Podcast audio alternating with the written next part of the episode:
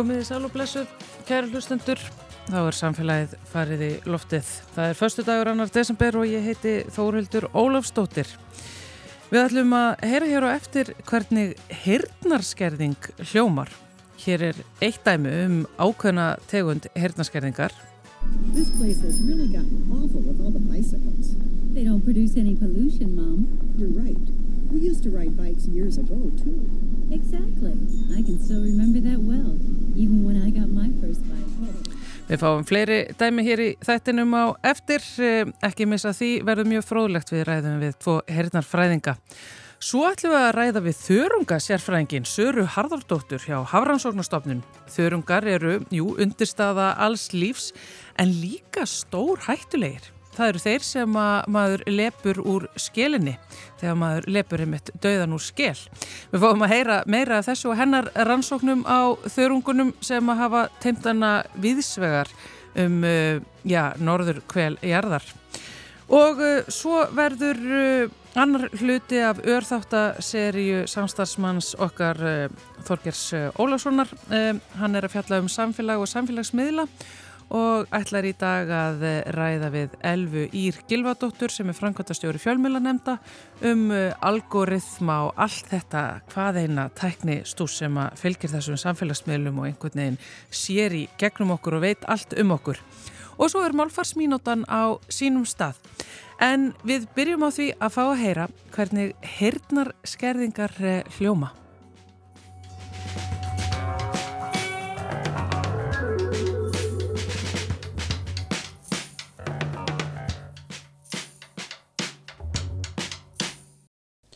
Hvernig hljómar heyrnarskerðing? Eitt eh, af töfrum útvarsins er það að við getum í rauninni heyrt það hvernig það er að vera með alls konar mismunandi útgáfur af heyrnarskerðingu. Heyrnar og talminastöð Íslands hefur gefið okkur aðgang að upptökum af alls konar mismunandi útgáfum af heyrnarskerðingu og við ætlum að eh, nota tækifærið og fá að hlusta á þetta, setja okkur í spór þeirra sem að klíma við heyrnarskerðingu og hjá okkur til þess að fara yfir þessar upptökur og leið okkur í gegnum það hvað það er sem við erum að heyra og hvers vegna eru tveir heyrnarfræðingar sem að báðar heita Kristbjörg, annars vegar Gunnarsdóttir og hins vegar Pálsdóttir. Sælveriði. Sæl. Svo, svona upptökur, hvað eru það að segja okkur? Í, eru það notaðar þegar verið að kenna til dæmis ykkar fag? Nei, þær eru ekki notaðar í kennslu. Þetta eru svona samt, gefur okkur svona ákveðna hugmynd um hvernig það er að heyra illa. En þetta er alltaf svo mikið einstaklingsbundi að það er erfitt að, veist, að fá nákvæma mynd af heyrnarskerðingunni. Já, þannig að engin ein heyrnarskerðing hljómar eins og önnur. Nei, það eru mjög ólíkar, jafn Já. ólíkar og við erum mörg, getur maður sagt. Já, já. Þannig að eins og til dæmis ykkar starf sem er náttúrulega að greina þetta og hjálpa fólki og vera sérfræðingar í þessu, það er bara hver manneski er að koma með eitthvað nýtt á borðinu daglega. Já, það má segja það, já. Algjörlega. Ó. En sko við þurfum þá kannski að vera meðvitið um það þegar við hlustum á þetta, að þetta er bara svona að mörguleiti kannski svona viðfæðum dæmi um bara hvernig þetta er. þú Veist, Já. þetta, er ekki, þetta, er ekki, þetta er ekki salningurinn eini en þetta gefur okkur kannski einhvern svona smá hugmynd. Já, Já, við akkurat. fáum smá hugmynd við, þetta erum flest með nokkuð góða heyrn Já, og með okkar, allar okkar hárfrumur og þannig að við þurfum aðeins að horfa á þetta með þeim augum að þetta er ekki endilega það sem er eins nákvæmlega eins og maður, þeir sem eru með heyrnaskjörg eins og þeir heyra. já, já. Og þegar heyrun er sko eðlileg að þá eru verður sko eiraði mjög svona, við greinum mjög vel breytingar á hljóði. Já, Eirað greinir mjög vel breytingar á tíðinni. Uh, Það heyri mjög vel þagnir á milli talhljóða. Um leið og það er heyrnaskerðing að þá skerðist næmni eirans. já, já. Þannig að við heyrum þessar breytingar ekki jafn vel. Þannig að sko af því að þetta eru svona margar upptökur uh, af alls konar útgáfum af hernarskerðingu, ég var eiginlega svolítið hissa hvað þetta voru margar upptökur sem að fylgdu beð ykkur, af því að hérna, ég held bara hernarskerðingu væri bara einhvern veginn að þú heyrðir bara aðeins minna en, en eins og þú ert að koma inn á Kristberg að þetta er líka náttúrulega bara alls konar tíðnisvið og slíkt Já. Við erum bara með svo ótrúlega margar útgáfur af heyrnaskerðingum og það eru það sem flestir eru með svo kallar hátíðniskerðingu. Hátíðniskerðingu Já. Já, Það er raunin bara þannig líffræðilega að við flest missum hátíðni á lífsleginni og svo er bara spurning hversu mikla hátinni við missum á lífsleginni og hvenar það byrjar. Býtu, er þetta ekki einmitt það sem hefur verið notað gegn úlingum á einhverju Jú. svona stöðum og það spila hátinni hljóð sem að enginn yfir þrítugu heyrir? Já. Þetta, Já. þú ert að tala um þetta? Já. Þetta er akkurat málið. Við heyrum, þegar við fæðumst þá heyrum við á bylunu 20 til 20.000 hertz en missum mjög fljótt þessi 20.000 hertz og þar í kring. Já, allt í lagi. Þannig að ef- með hækkandi aldri þá mingar hátíðinni hljóð, eða við heyrum hátíðinina verð. Já. En annar fyrirværi sem að langar um þetta að setja á þetta, eh, fyrir þau þarna úti, hlustendur sem er að hlusta á þetta og eru eitthvað heyrnaskert, hvernig hljómar þetta fyrir þau? Eru þau eitthvað að fara að ná hvað við erum að tala um? Já, þetta verður auðvitað bara kannski aðeins verra fyrir þau að því að þau eru með hirnaskerðingu. Þannig að þá verður þetta bara, já, verra. Það er bara erfitt að bera þetta saman. Af Því við vitum auðvitað ekki nákvæmlega hvernig aðrir upplifa sína heyrn. Já, ég skil. Sko, við skulum þó bara byrja og við erum með, þetta er alltaf, þetta er alltaf sama upptakan og, og henni bara breytt eftir því hvernig heyrnaskerðingin er. En fyrst skulum við í rauninu byrja á bara eðlilega hljóðinu uh, og ég ætla að spila þetta hérna fyrir ykkur. This place has really gotten awful with all the bicycles. They don't produce any pollution, Mom. You're right. We used to ride bikes years ago, too. Exactly. I can still remember that well, even when I got my first bike. Oh, yeah. You should have seen yourself. Sko það sem við heyrum þarna eru sem sagt samræður og milli tvekja kvenna við hérna umferðagötu og það eru hjól að fara og svona dinglandi framhjá. Já, Og þessi einstaklingur er eðlilega heyrandi. Já, Við, hann heyrir þessar stuttu til dæmis tagnir á milli taljóða, við greinum orðin, við heyrum orðaskilin vel tökum inn allt umhverjusljóðin. og þau trubla lítið. Já, þannig að við náum sagt bæði samtalinu og umhverjusljóðunum. Þannig að þetta var sem sagt eins og bara eðlilega heyrandi fólk heyrir. Já. Allt í lagi, þá skulum við fara í um, já, einhverja heyrnaskerðingu. Hvað eigum við að byrja á? Byrja á vægri skerðingu. Við skulum hlusta á það. This place has really gotten awful with all the bicycles. They don't produce any pollution, Mom. You're right. We used to ride bikes years ago, too. Exactly. I can still remember that well, even when I got my first bike. Oh, yeah. You should have seen yourself. Þarna er þetta í rauninni nákvæmlega sama sena en, en hún er svona dempaðri. Það er eins og maður sé að heyra hana í gegnum svamp. já, við þurfum að innbytta okkur aðeins meira til að hlusta. Umhverjusljóðin trubla kannski örlítið meira. Það er svolítið það sem gerist bara almennt með heyrnaskerðinga, umhverjusljóðin verða meira ábyrjandi. Og það er með þess vegna þannig að þau sem að glíma við sko svona milda heyrnaskerðingu eða litla heyrnaskerðingu f- finnst óþægilegt að vera í svona gjallandi sölum og nenni til dæmis ekki ársatíðum vinnustæðana sína. Alltaf lagi. Uh, næsta sem við ætlum að spila er þá uh, bara aðeins uh, meiri heyrnaskerðing. This place has really gotten awful with all the bicycles. They don't produce any pollution, Mom. You're right. We used to ride bikes years ago, too. Still remember that well, even when I got my first bike. Oh, yeah. You should have seen yourself. Þarna langaði mig bara til þess að hækka í öllu, til þess að reyna að heyra þetta betur. já, En, en, en fyrir þau sem er heyrnasker þá hækkaðu ekki svo glatt í, í umhverfinu þó að kannski örglega einhverju þannig að það fyrir að hækka í útvarpinu sínu. En líka það að gæðin er ekki alveg þau sömu. Það er ekki bara hækka, heldur það líka svona gæðin og næmnin Já. sem er farin. Þarna er náttúrulega bara allt einhvern veginn daldi fara að renna saman, heyrðismanni. já, Það var alltaf, þú eru þá að fara í, í næsta, hvað er það? það er mikil heyrnaskerðing. This place has really gotten awful with all the bicycles. They don't produce any pollution, Mom. You're right. We used to ride bikes years ago, too. Exactly. I can still remember that well, even when I got my first bike. Oh, yeah. You should have seen yourself. Já, þarna þurftum maður alveg virkilega mikið að einbetta sér til þess að heyra orðaskil á milli þeirra maðgna. Já, og maður getur ímyndið sér ef maður ætlar að hlusta á þetta allan daginn. Ég, það er þreytandi maður. Mjög þreytandi. Þú getur ég að valla komast í gegnum nokkra samræður. Nei. Og, og það vantar, þú veist, þetta fólk sem er með svona mikla heyrnarskerðingu upplifur ofta að tal sé monotónist. Það Já. verður svona flatt, það vantar toppana og læðirnar. Fólk upplifur oft þegar að hlusta á tónlist, það jafnvel þekkir ekki lægi, það er það flest svolítið svona út. Ó. Þannig að blæbrigðin eru okkur neina ekki til staðar í tungumáli og tónlist. Og einslemt og þetta hljómaði að þá er eitt steg fyrir ofan. Já, það er alvarleg heyrnaskeðing eða heyrnarleysi. Já, við skulum hlusta á það.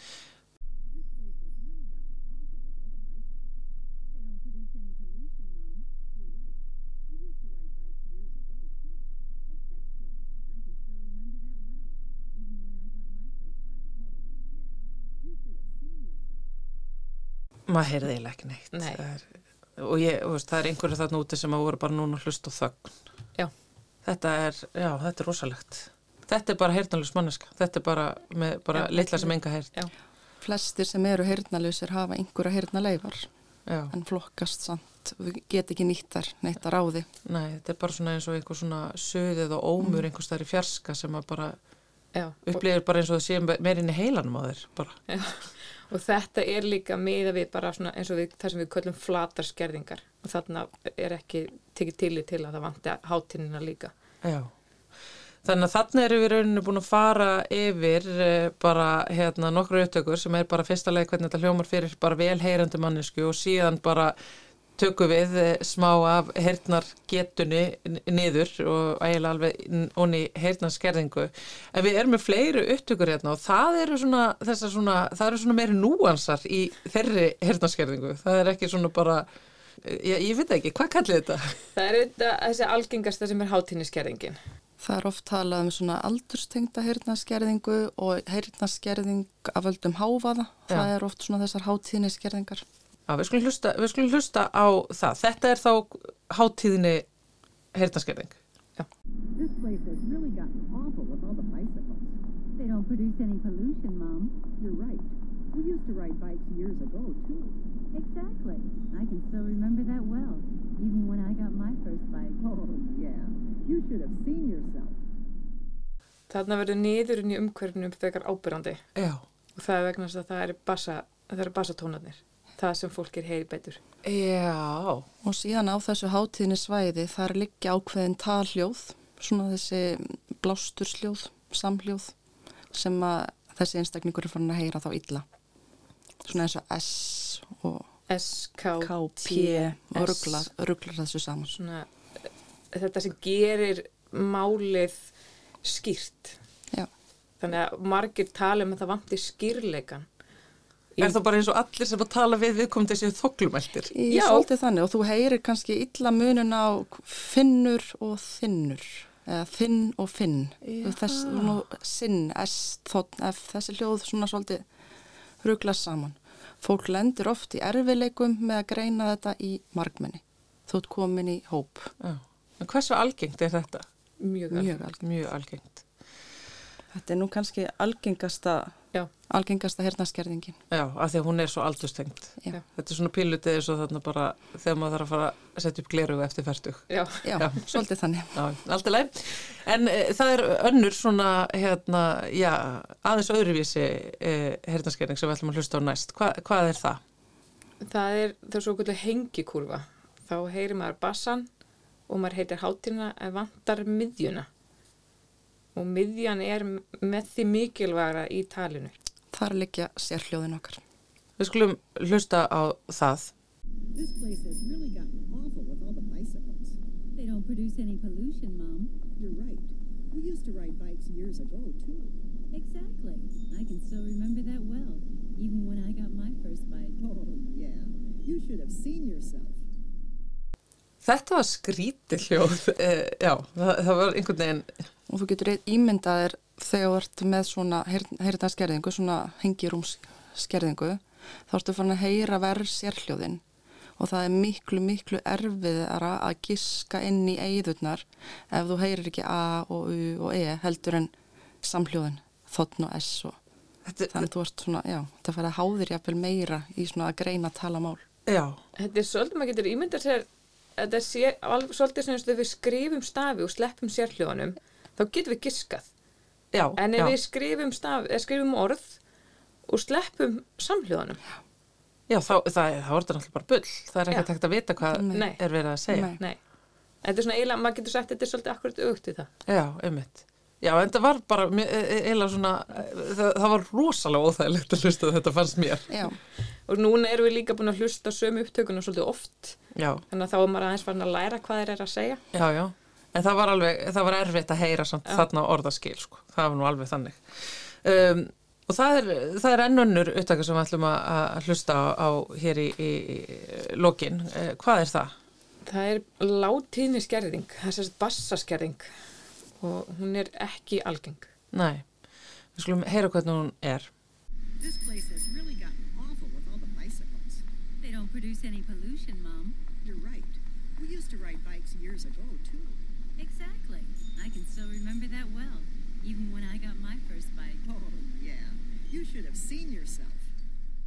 Sko, það er náttúrulega frábært að umfyrra niðurinn detti niður. En, en, en bassaskerðing tekur samt alveg ofsalega eh, mikil blæbrigði úr umhverfinu og öllu sem allir eru að segja. já, maður tók líka eftir að, að bjallan, hún var mjög Já, hún var alveg stingandi, sko. Já. Þetta er rosalega óþægilegt að vera með þessa hirtaskerðingu, af því að þú getur bara ert í umhverfi sem að er bara svona aggressíft nánast á þig í Já. hljóðum. algjörlega.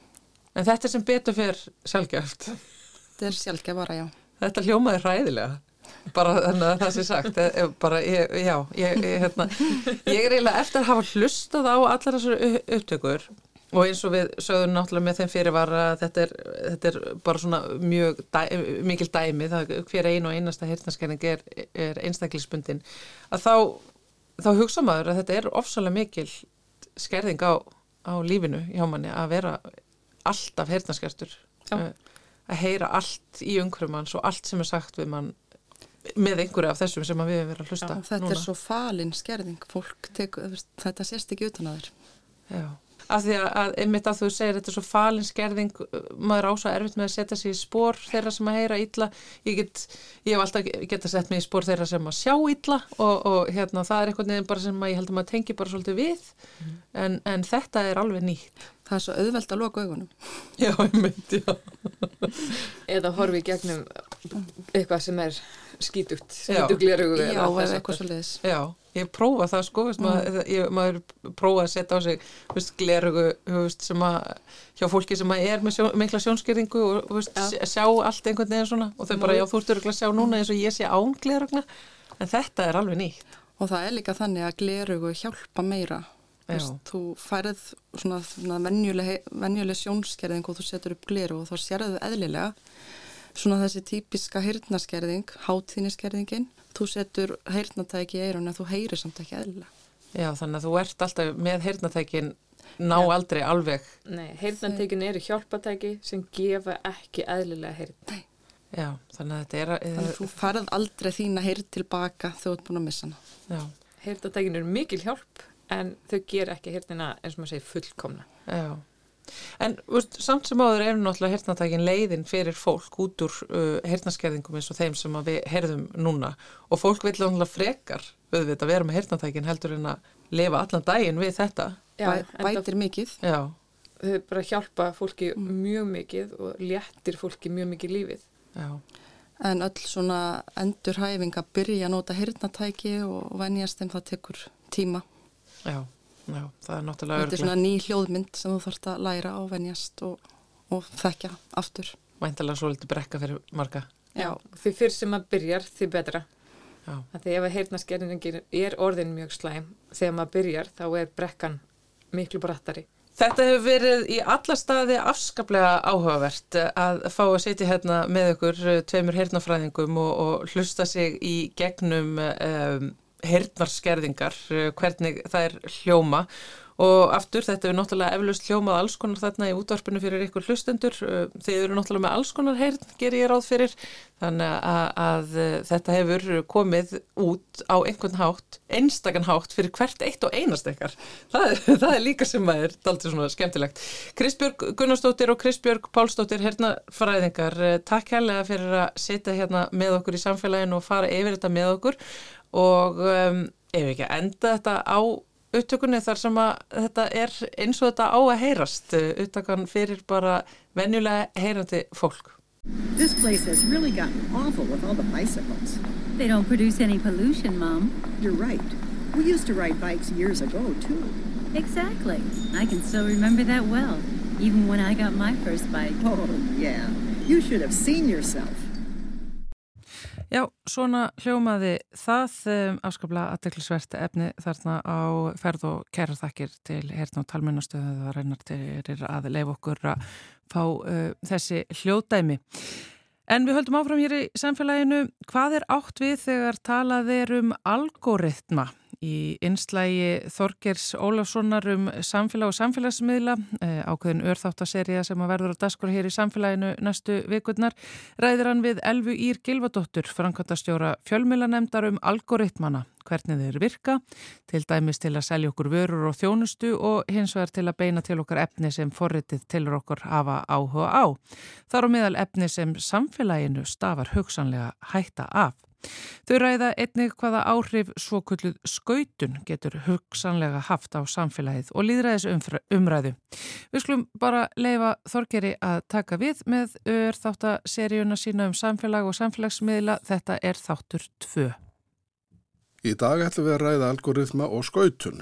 Þessu hugtöku eru sjálfsagt framandi mörgum hlustendum en segja má að þau forrit eða reikniritt sem við kallum algoritma eða algrím sjöu kjarnin í starfsemi samfélagsmiðla og skautun stendur fyrir flokkadrætti, polariseringu eða skautun eins og margir vilja nefna fyrirbærið á íslensku. En byrjum á algoritmum. Á vefnum fann ég þessa útskýringu á fyrirbærinu. Algoritmi er röð af skýrt afmörkuðum reglum sem er beitt til að leysa vandamálega verkefni. Algoritma mætti líka við forskrift sem fær tölvu til að leysa tilteki verkefni. Algoritmi er meðal annars notur til að velja og forgámsaraða á sjálfverkan hátt því efni sem notendur sjá á samfélagsmiðlum út frá notendasögu þeirra og tengdum upplýsingum og þetta er kannski kjarni málsins. Forritin velja og forgámsaraða því sem við sjáum á samfélagsmiðlunum, bæði auglýsingum og þássettar en einnig öðru efni sem forritið telur okkur hugsalega hafa áhuga á og þar meðal getur verið efni sem að samfélaginu og einstaklingunum stafar hætta af. Og hér vakna náttúrulega margar spurningar, hvernig virka algoritmarnir, hvaða áhrif hafa þeirra á einstaklinga og hópa og stöðla þeirra flokkadráttum, uppgangi, öfgahópa og svo framvegs og framvegs. Og hinga er komin Elva Írk Gilvadóttir, framkvæmdastjóru fjölmiðlanemdar og kannski við byrjum á því alveg að ræða bara hvernig, ræða faraðans nánar í hvernig þessir algoritmar virka. Já, uh, ég held að þú hafi verið mitt uh, útskilt þetta ágætlega þannig í ingangnum að þetta eru svona ákveðnar uh, reiknireglur eða svona forgangsröðun sem að sem að gera það verkum að svona eftir því sem að við sínum áhuga á eða líkum við eða erum að eigða tíma eh, við að skoða eða lesa eitthvað slíkt að þá kannski fáum við meira af slíku efni að því að, að, því að forritið áttar sig á því að, að þetta er eitthvað sem, sem við höfum áhuga á. Og við þekkjum þetta til dæmis þegar við erum að hlusta á uh, lög uh, tónlist í Spotify þá er eitthvað sem að er, eitthvað sem, þá fáum við með meldingum um það að okkur getur líka líka við þetta eða sama með Netflix ef, ef við fyrir þar að við, við hérna erum kannski búin að horfa á svona og þá getur við líka jafnframt hugsanlega haft áhuga á einhverju sveipuðu Og svo virðist, virðist sem þeir séu mismunandi uh, segir, fljótir eða, eða virkir því að menn nefna sérstaklega TikTok í því samengi að þú þarfst ekki að sjá efninu með einu sinni þá er, þá er kerfið farið að íta slíku efnaður. Það er náttúrulega alls ekkit gagsægi í því hvernig uh, algoritmar eru settir upp fyrir hérna einstöku samfélagsmiðla. Og ég held að þar kannski sé kjarni vandans. Vegna þess að e, við vitum í raun og veru ekki e, hver, hverjar eru þessar fósendur á bakvið það að sumir er að sjá eitthvað efni og aðrir er að sjá eitthvað annað. En það sem við vitum hins vegar er það að fljótlega þá förum við að sjá kannski mjög ólíkt efni og förum að fá kannski bara ólík, ansi ólíka heimsmynd því eftir því hvað það er sem er að koma til okkar og, og það er einmitt þetta gagsægi eh, sem, a, sem að er svo nöðsynlegt eh, líka bara stjórnvöldum og, og, og, hérna, og okkur bara borgurum í líðræðisríkjum að við áttum okkur á því hvað er liggur þarna til grundvallar e, því að við fáum þessar upplýsingar e, eða, eða hérna, en ekki eitthvað annað. Við förum aðeins betur í, í þetta mál að þá sjáum við TikTok að það er, það er kynvist fyrirtæki sér ekkur það og við vitum svols ekkert hvaða forsendur þeir gefa sér siðferðislega forsendur og aðrar í, í mótum algoritmana og svo er þetta 100.000 manns út um allan heim sem að, að velur og reytskoðar efni fyrir, fyrir YouTube og Facebook og, og annað. Hvernig getur við vitað að, að þetta fólk hafi sömu viðmið og gildi og við?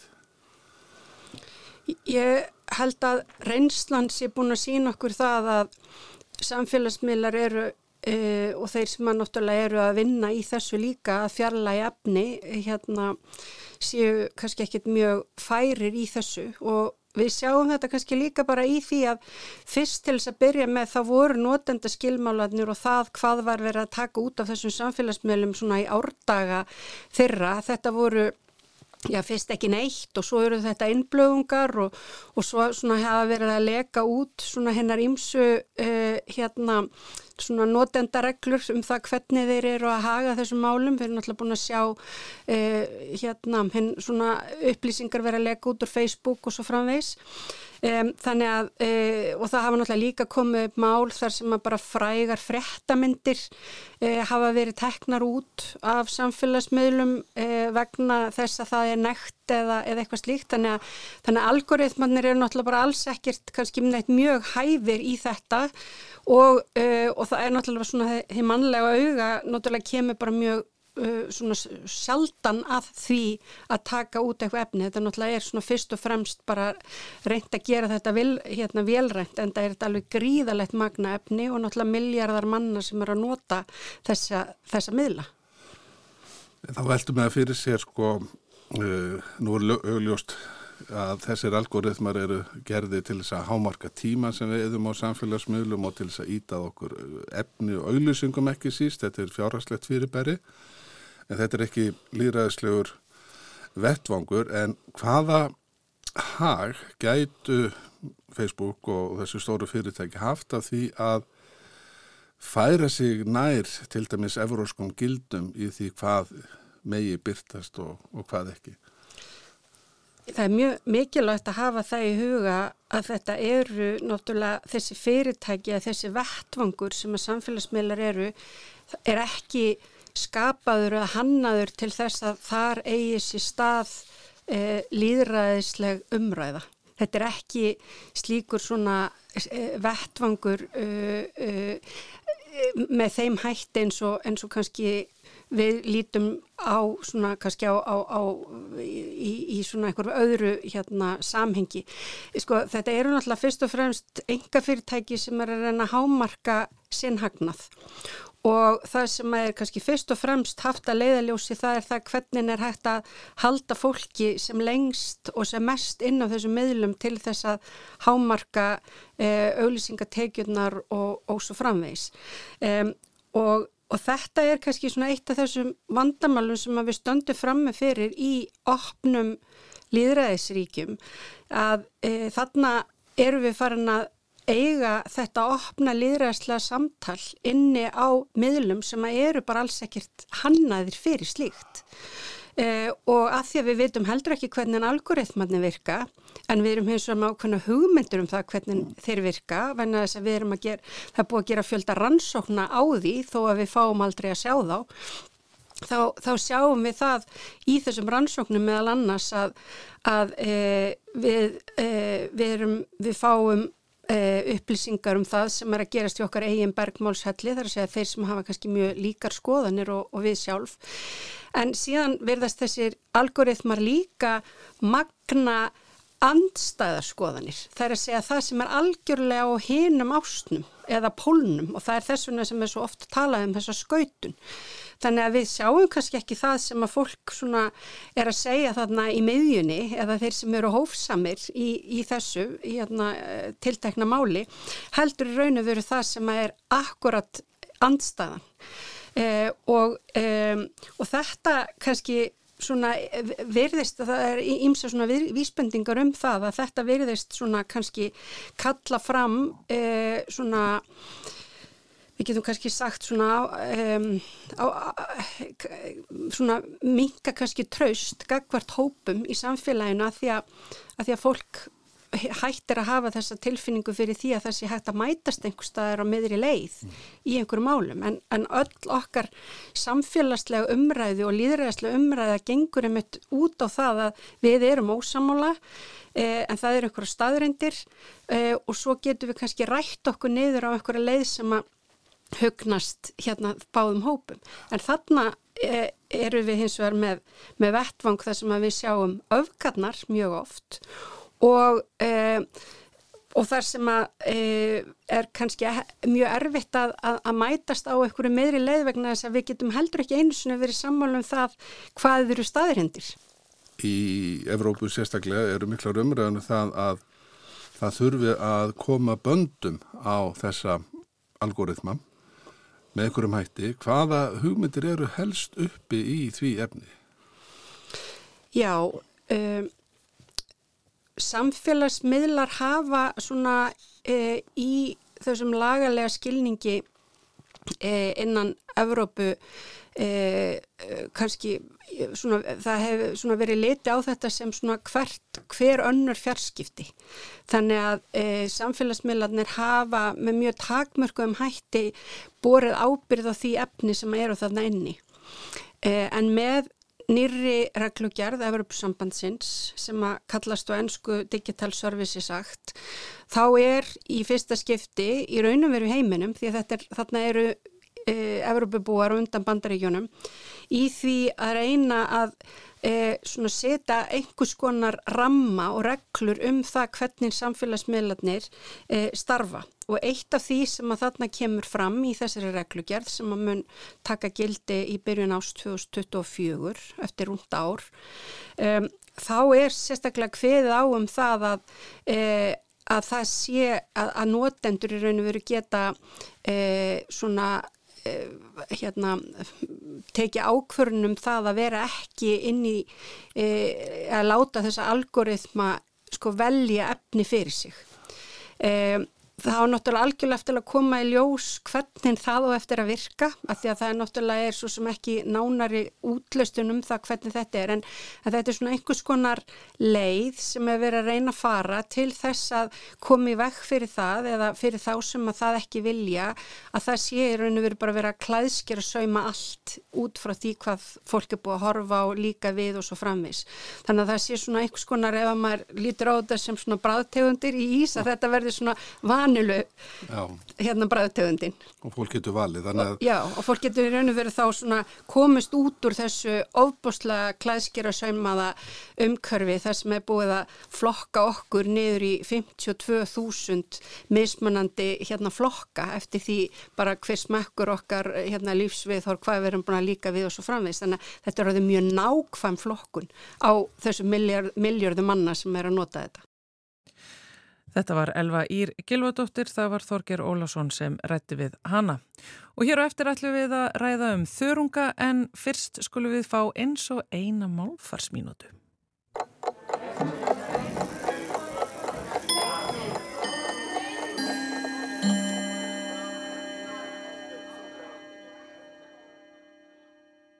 Hvað er skáld?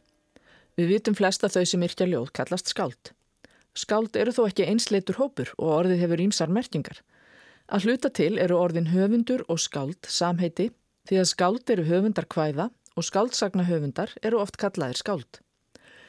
Því er ekki ósjaldan talað um höfundarljóða sem ljóðskáld eins og til aðgreiningar en kannski af því að það er svo ljóðrænt orð, ljóðskáld. Ímis orð hveða nánar á um það sem einn kennir tiltekin skáld. Leikskáld semja leikrit og tónskáld semja tónlist. Aðtapnaskáld eru brautriðjandur í atvinnulífi, nefndir svo af virðingu en oft ekki síður í háði. En af þessum má sjá að ekki festa öll skáld verksín í orð.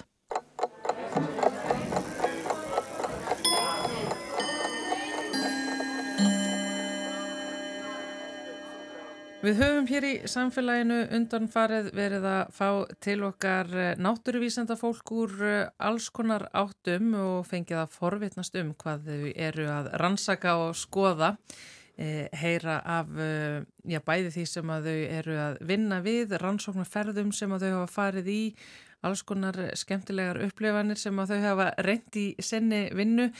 Þessi dagskráliður hefur gengið undir nafninu Dýraspjallið en þetta er samt ekkert endilega bara spjall um dýr við eh, förum eiginlega bara svona vítt og breytt eh, um eh, vistkerfin okkar öll sömul.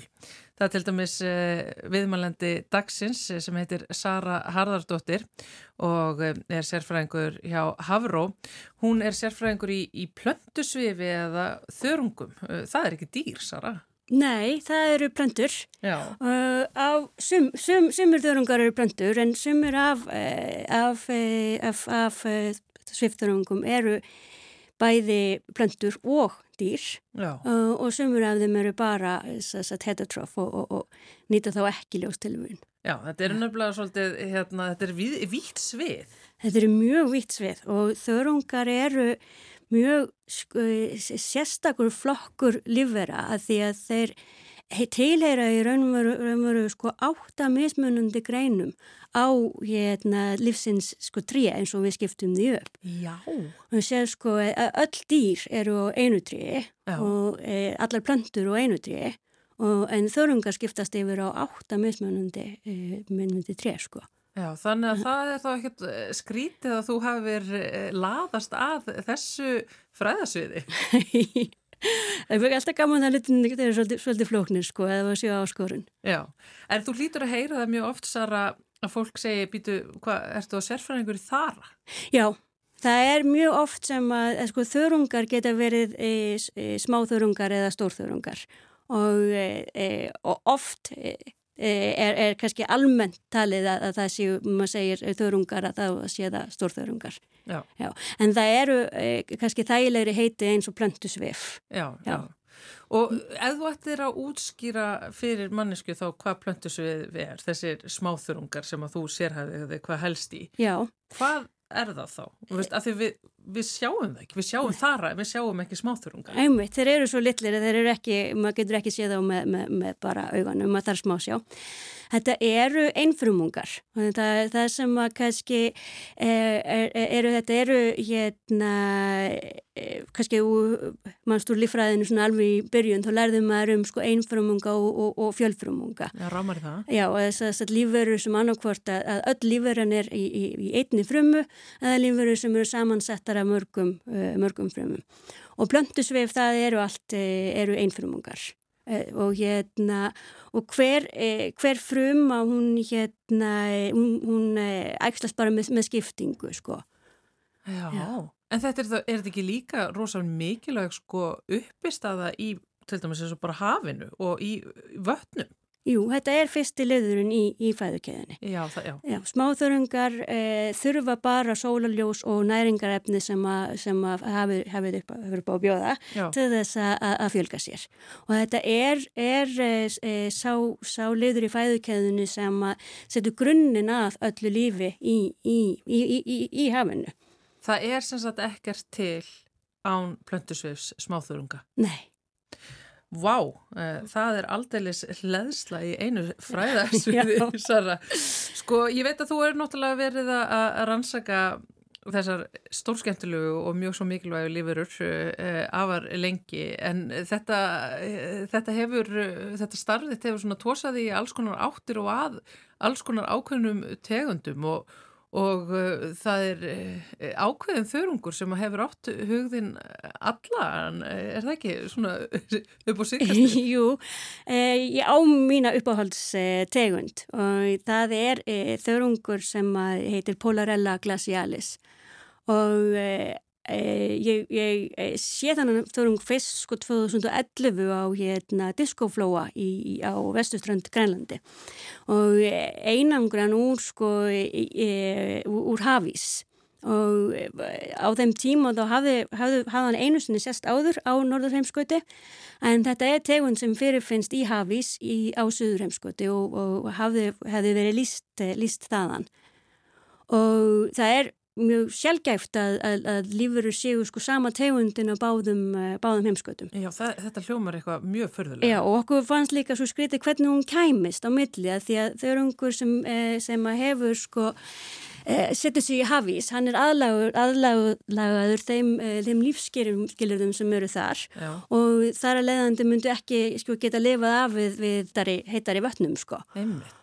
Hafísin er líkilatrið fyrir... Það er líkilatrið fyrir Já. þennan dörung, hann, hann hérna, e, þessi dörungur þarf á þeim skilurðum sem eru í hafís til að klára sinn, sinn lífsring. Já, þannig að sko utan hafís uh, þá verður hann aldrei til. Nei, hann getur ekki, hann getur ekki fjölga sér uh, utan, utan hafís. Já. Hann verðist líka sko eh, ha- hafa, eh, hafa svona dva, hann hefur dvalar eh, eh, dvalarstadium eða hann, hann, hann myndar utanum sig svona, eh, svona sist Já. sem að fellur úr hafísnum og neður í, í að, að sjáabotni. Ha? Já, og það er það sem að gera hann alveg mjög sérstaklega spennandi er að, að þegar hann fellur svona niður í sjáabotnin e, þá e, grefst hann líka niður í sjáarjarlögin og það, svo geta liðið sko þúsund ár og fleiri þúsund ár og e, við, við svo getum fundið hann með e, eftir 12.000 e, ár í jarlögunum og þá getum við staðsetta fyrir ofan hafi verið hafís í fortíðinni. Ha? Þannig að þetta er svona nánast eins og bara svona fordleifa uppgröftur á þörungum sem að hafa ferðast með hafís. Já, það er svona eins og ég lít svolítið á þetta eins og tímavél, sko. Vá! Og þannig að, þannig að þú getur þá séð hvar hafís hefur verið af því að þú grefur upp þessa þörunga og einangraði DNA-ið. Já. Vá, það er frekar magnað. Já, mér finnst þetta mjög spennandi, sko. Já, þessi þörungur er þá í rauninni að segja okkur söguna um ferðalög hafísins Já. bara í gegnum árhundruðin. Já, Þannig að það er það sem að þú, þú ert að ná í leifar af þessum þörungi til þess að bara geta lesið í jarðsöguna og Það bara ferðalagið. það er akkur það sem við erum að vinna með. Og e, þegar við fórum að, að, að, að kíkja betur á útbreyðslu e, e, þörungsins, þá, e, þá sá hann finnst allstaðar það sem er hafís. Já. og við, eh, við skoðum gögn úr hérna úr nýju mismunandi svona sjóleiðangrum og fórum í sjóleiðangra e, sjálf. Og, e, og, og fundum hann eiginlega bara vitt og breytt um norður heim, heimskotið Já. og hérna og gátum e, rannsakaðans hvernig hann, hann, hann falli, fellur úr hafisnum þegar hann bráðnar á hérna á sumrin. Uh, og verðið sko færa sig upp í hafís uh, uh, þegar hafísin byrjar að myndast aftur á, á, á veiturnar. Og það gerir hann sko uh, gerir hann þæginlega í vinslu að hann, hann, hann er vísir á hafís sem er bráðnar og, og, og frýs aftur upp þannig sem heitir sko fyrsta ás hafís Já, já, Já. einmitt. og þetta er, e, þetta er hérna, mikilvægt í, í, e, í okkar rannsóknum um loftlandsbreytingar því að hafísinn, við sjáum hann svo vel ef við sjáum sko gerfinættamyndir Já, en við eigum kannski bara gerfinættamyndir síðastlega um 40 ár. Einmitt. og ef við höfum, við höfum uh, allt oft, sko, við höfum í uh, langan tíma greint jarðsöguna með, uh, með því að kíkja á uh, kísilþörunga og, og, og skoruþörunga og, og, og, og efnafræði í, í jarðlögunum uh, til þess að komast sko lengra aftur í, í, tíman.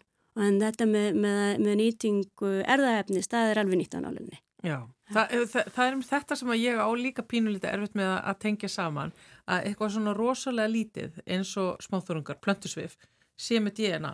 Já, já.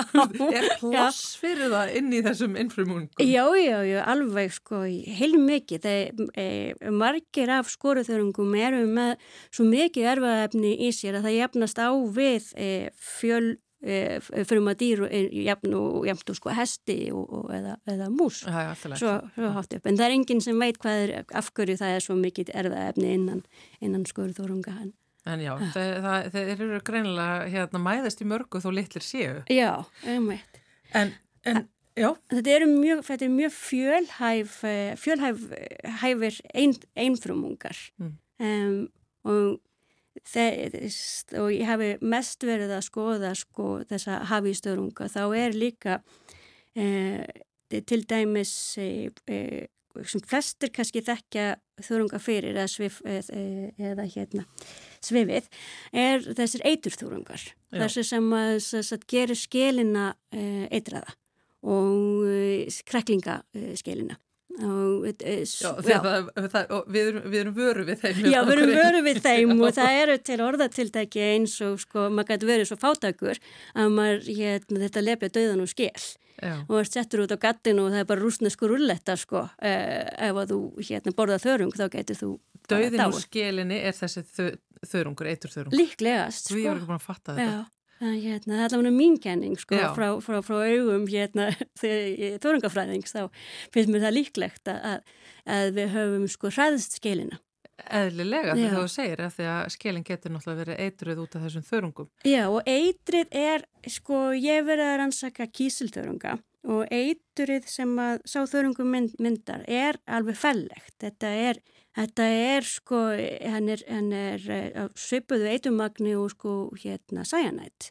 Nei! Jú og hérna uh, og svo sagt, þetta er tauga uh, eitur og það myndir sagt, hann, þetta verið miklu magnið þá er það sko minnisleysi og langtíma minnisleysi og jafnvel döði sko um, en sem betur fyrir þá er alltaf þá er alltaf hérna, verið að fylgjast með. Það er allstað að það sem er þörungarækt, þar er, eru stránga reglur um að, að hérna að, eiturefni megi ekki fara yfir mörg þetta.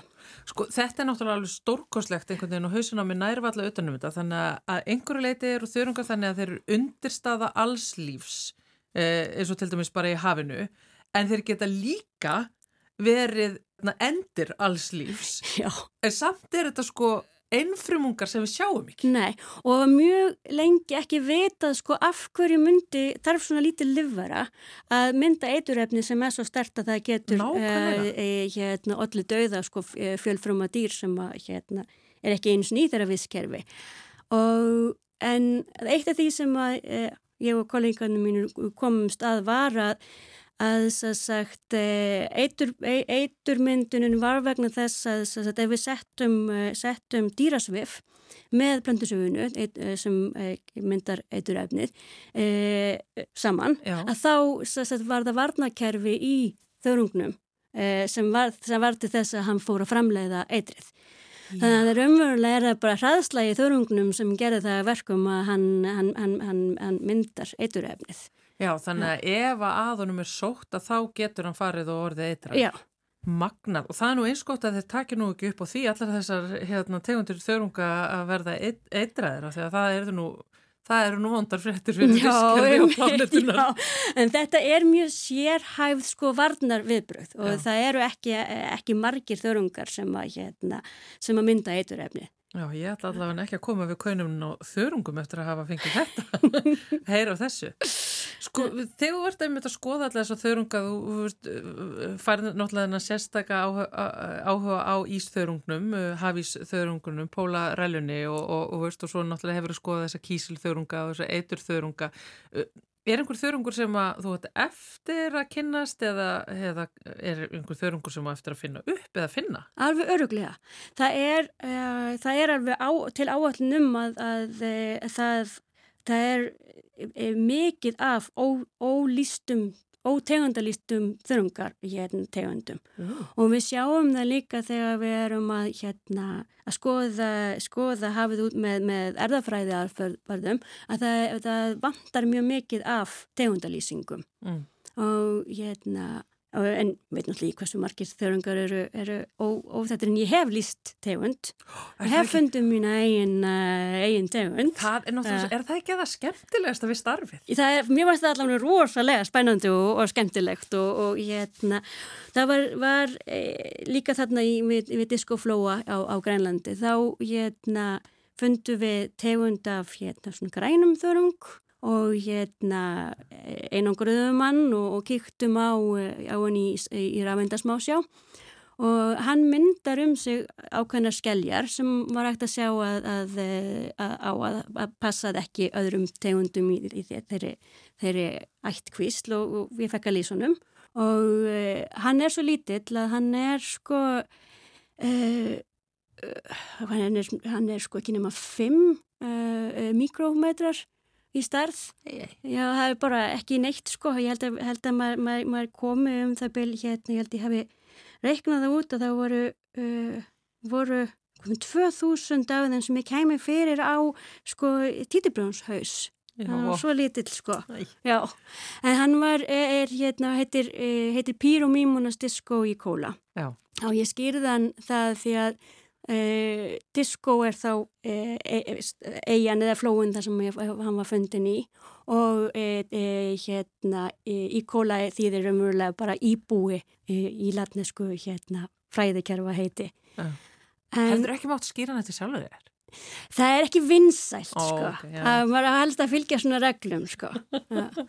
Hann var svo flókin að þó hann væri svona lítill, þá hafði hann um sig sjö mismunandi skeljar og sem við veitum ekki af hverju svona lítill e, fruma e, þarf að vera svona flókin. Og við veitum ekki af hverju hann, hann myndar um sig þessar skeljar. En þegar við kíktum e, svona inn í frumuna þá sáum við að, að hann var endalust að, að, að, búa til nýjar og nýjar skeljar. Og hver og einasta skel hafði á sér munstur. Um, Vá, Já. þannig, hann er eiginlega bara eins og, eins og bara svona listatýpa einhver. Já, Þetta þetta var mjög, að mjög sérhæfður allavega hennar sko Vá. Já. Sko, heimur þörunguna, eins og þú fórst að lýsa þessu Sara, er náttúrulega greinilega alveg stórkustlega gaman og, og, og skemmtilegt og spennandi að lifa og hrærast í. En eh, sko, eru þörungar eitthvað sem við þurfum að hafa áhyggjur af, eins og við einhvern veginn höfum áhyggjur af öllu já. í, í lífríkinu hérna, á þessum tímum eins og sem við lifum núna. Já. En eru þörungarnir ekki bara að fara að lifa okkur öll, verða alltaf til, alltaf frábærir, alltaf að gera eitthvað að búa til og vera ótrúleir? Sko um, eins og til dæmis hafís þörungurinn Ungar, já. hafísinn er að hverfa deyran með honum Já, hann gerir það og, en, en hérna, það koma þó aðrir í staðin á sem eru sérhæfðari sko, þeim skilirðum sem að myndast Hmm. sem að skil, e, e, ein, ein skilir í hverfu og önnur myndast. þörungur í þörungstað Já, maður mætti segja það. Það er hérna, þróun í þörungum gerist mjög hratt að Já. því að þeir lifa, kynsluðatími þeirra er kannski bara einn dagur. Þannig að fyrir, fyrir, fyrir tegundirnar að breytast, það tekur mun styrtri tíma eh, heldur en fyrir til dæmis okkur fjöl, fjölfrumungana. Og, eh, en við þurfum alltaf að hafa áhugur af því að, að nú, nú eh, gerast breytingar mjög hratt og við vitum, við reynum að sjá fyrir hvernig, hvernig lífskerfi eh, bregst við. En og svona ef við hugsaum um, um Ísland þá til dæmis uh, höfum við að vera að sjá sko uh, endurteknar sko svona þörungablóma uh, þörung sem heitir Emiliana Huxley sem er svolítið aðeins auðveldar að fylgjast með að við sjáum hann úr geimnum. Já. Það myndast svona, ég veit ekki hvað þú hefur séð, það komast undir svona frettur um Já. að það kemur verða svona fallega, svona ljósblá, hérna, ljósbláa slæður á, á hafinu. Já, þetta er rosa fallegt Það er rosa fallegt og alltaf, ég finnst þetta rosa spennandi, sko. En það verðist vera að fara í aukana uh, og uh, við fáum uh, oftar svona, svona þörungablóma og hann kemur með sko norður Allands strömmnum upp til, upp til Ísland, kemur frá heitara hafi upp, upp til Íslands ströndur. Já. Já. og er ekki góða fréttir Já, þetta er allavega sko, sko, ég vísir á breytingar, eitthvað sem við höfum ekki séð áður. Já. Um, já. Já, þannig að það er mjög erfitt að segja svo hvað er, hvað er gott og hvað er slæmt. Vitum við að er slæmt súrtunum sjáar er slæm en að e, e, og e, e, breytingar að hvort það eru slæmar eða góðar það er, erfitt að, það er ofta erfitt að metta það. Já, hann er ekki hættulegu þessi törungur og hérna og hann, hann frekar sko e, bindir og festir karbón heldur en að leysa það sko. Já, en hvort að hann breyti visskerfunu í kringu sig Já. frá því sem að var áður, það er svo spurningin Já, hann náttúrulega gerir það á meðan hann tekur yfir. Já. Já. Já, meðan hann tekur yfir, vá, það er eiginlega svona, ég eiginlega sko eftir að hafa talað við því Sara, þá er ég hérna full lotningar en að samaskapi líka eh, óta kakvart þörungum. Ok. Þeir einhvern veginn viðast vera til eh, alls vísir, geta eiginlega bara allt. Já, Það- geti allavega aðlagast mörgu. Já, Mm. Það verður spennandi að fylgjast með þeim og þá þér í, í þínum störfum að, að skoða það. Takk hérlega fyrir að koma hinga til okkur í samfélagið í dýraskapið og segja okkur frá þessum frábæru típum. Takk fyrir mig. Sara Harðardóttir í Hafró, takk. Takk.